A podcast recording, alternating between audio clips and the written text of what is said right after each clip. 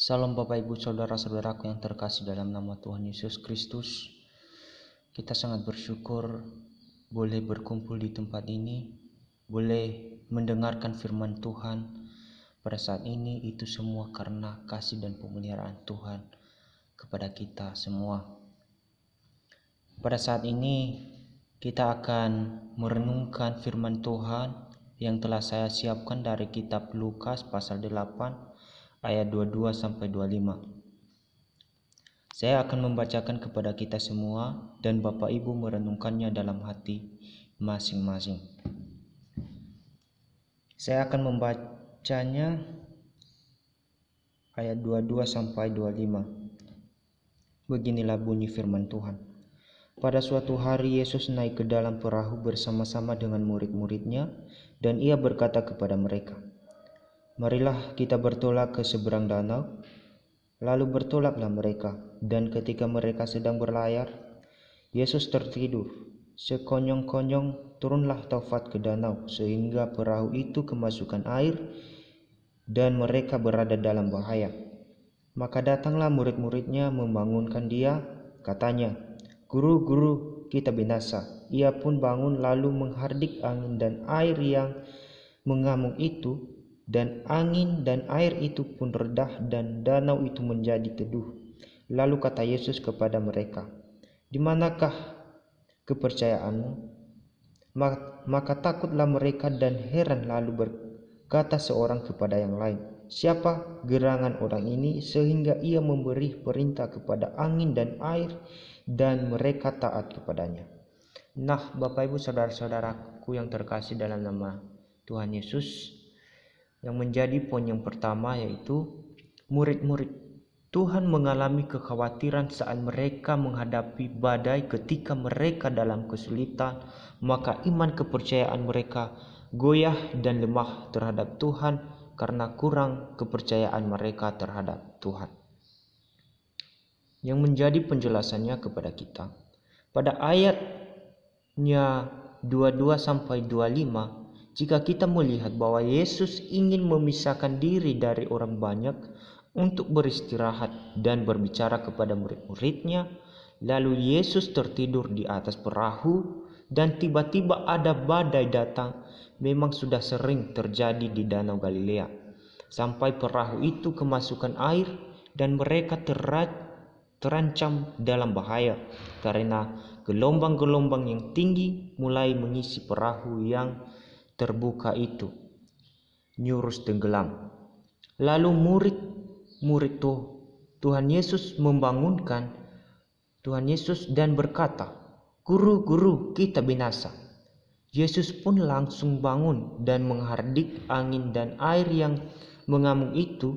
Setelah itu Yesus berkata kepada murid-muridnya, "Di manakah kepercayaanmu?" Yesus menegur murid-muridnya yang masih tidak percaya bahwa Yesus adalah Tuhan yang sedang menyertai mereka. Di dalam peristiwa ini sungguh terlihat jelas bahwa kuasa alam pun takluk di bawah kuasa Yesus. Nah, Bapak Ibu Saudara-saudaraku yang terkasih dalam nama Yesus Kristus. Ilustrasinya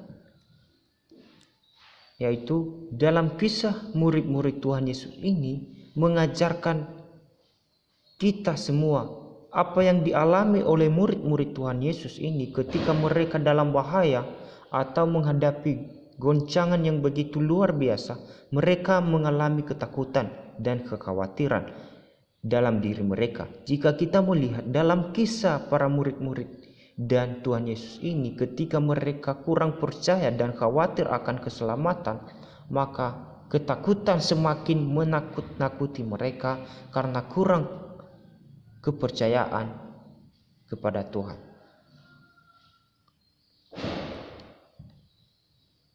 Nah, yang menjadi aplikasinya dalam kehidupan kita yaitu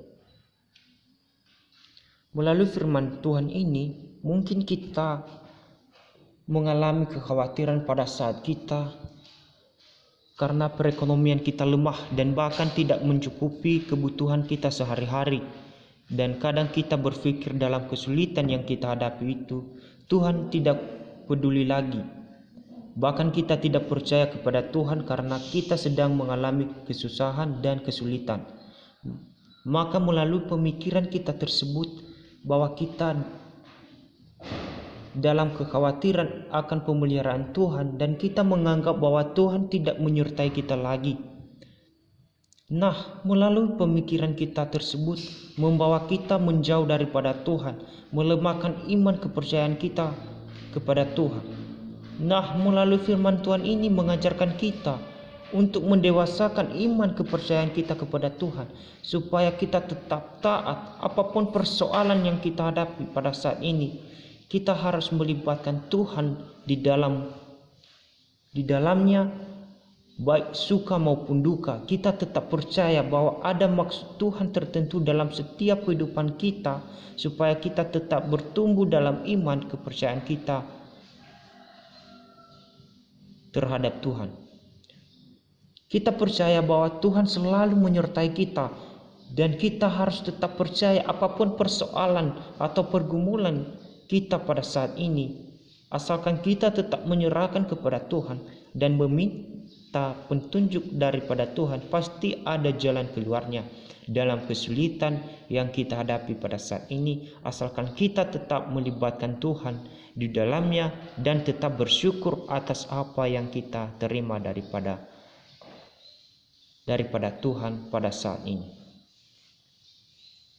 Melalui firman Tuhan ini mengajarkan kita untuk tetap percaya akan pemeliharaan Tuhan supaya kita memiliki iman yang kokoh kepada Tuhan apa pun permasalahan yang kita hadapi yang ingin melemahkan iman kepercayaan kita kepada Tuhan janganlah sampai iman kita lemah melainkan kita tetap kuat dan apa pun goncangan yang kita hadapi kita tetap percaya dan berpegang penuh dalam kasih dan penyertaannya dalam kehidupan kita masing-masing.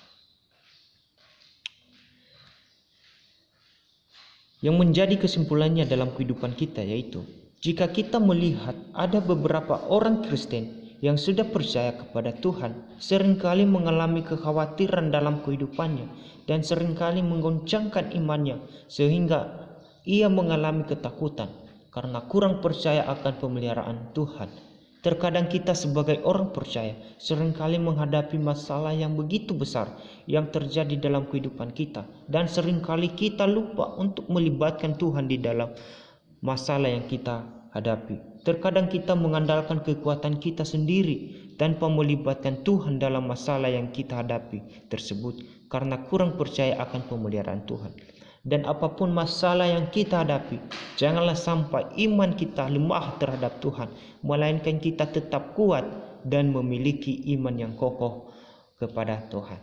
Karena dalam setiap permasalahan yang kita hadapi, dalam setiap pergumulan-pergumulan yang kita hadapi, ada maksud Tuhan tertentu karena Tuhan ingin menilai kita sejauh manakah iman kita, sejauh manakah kepercayaan kita kepada Tuhan. Jadi kita harus tetap mengandalkan, melibatkan Tuhan. Kita tetap harus percaya akan pemeliharaan Tuhan dalam setiap kehidupan kita.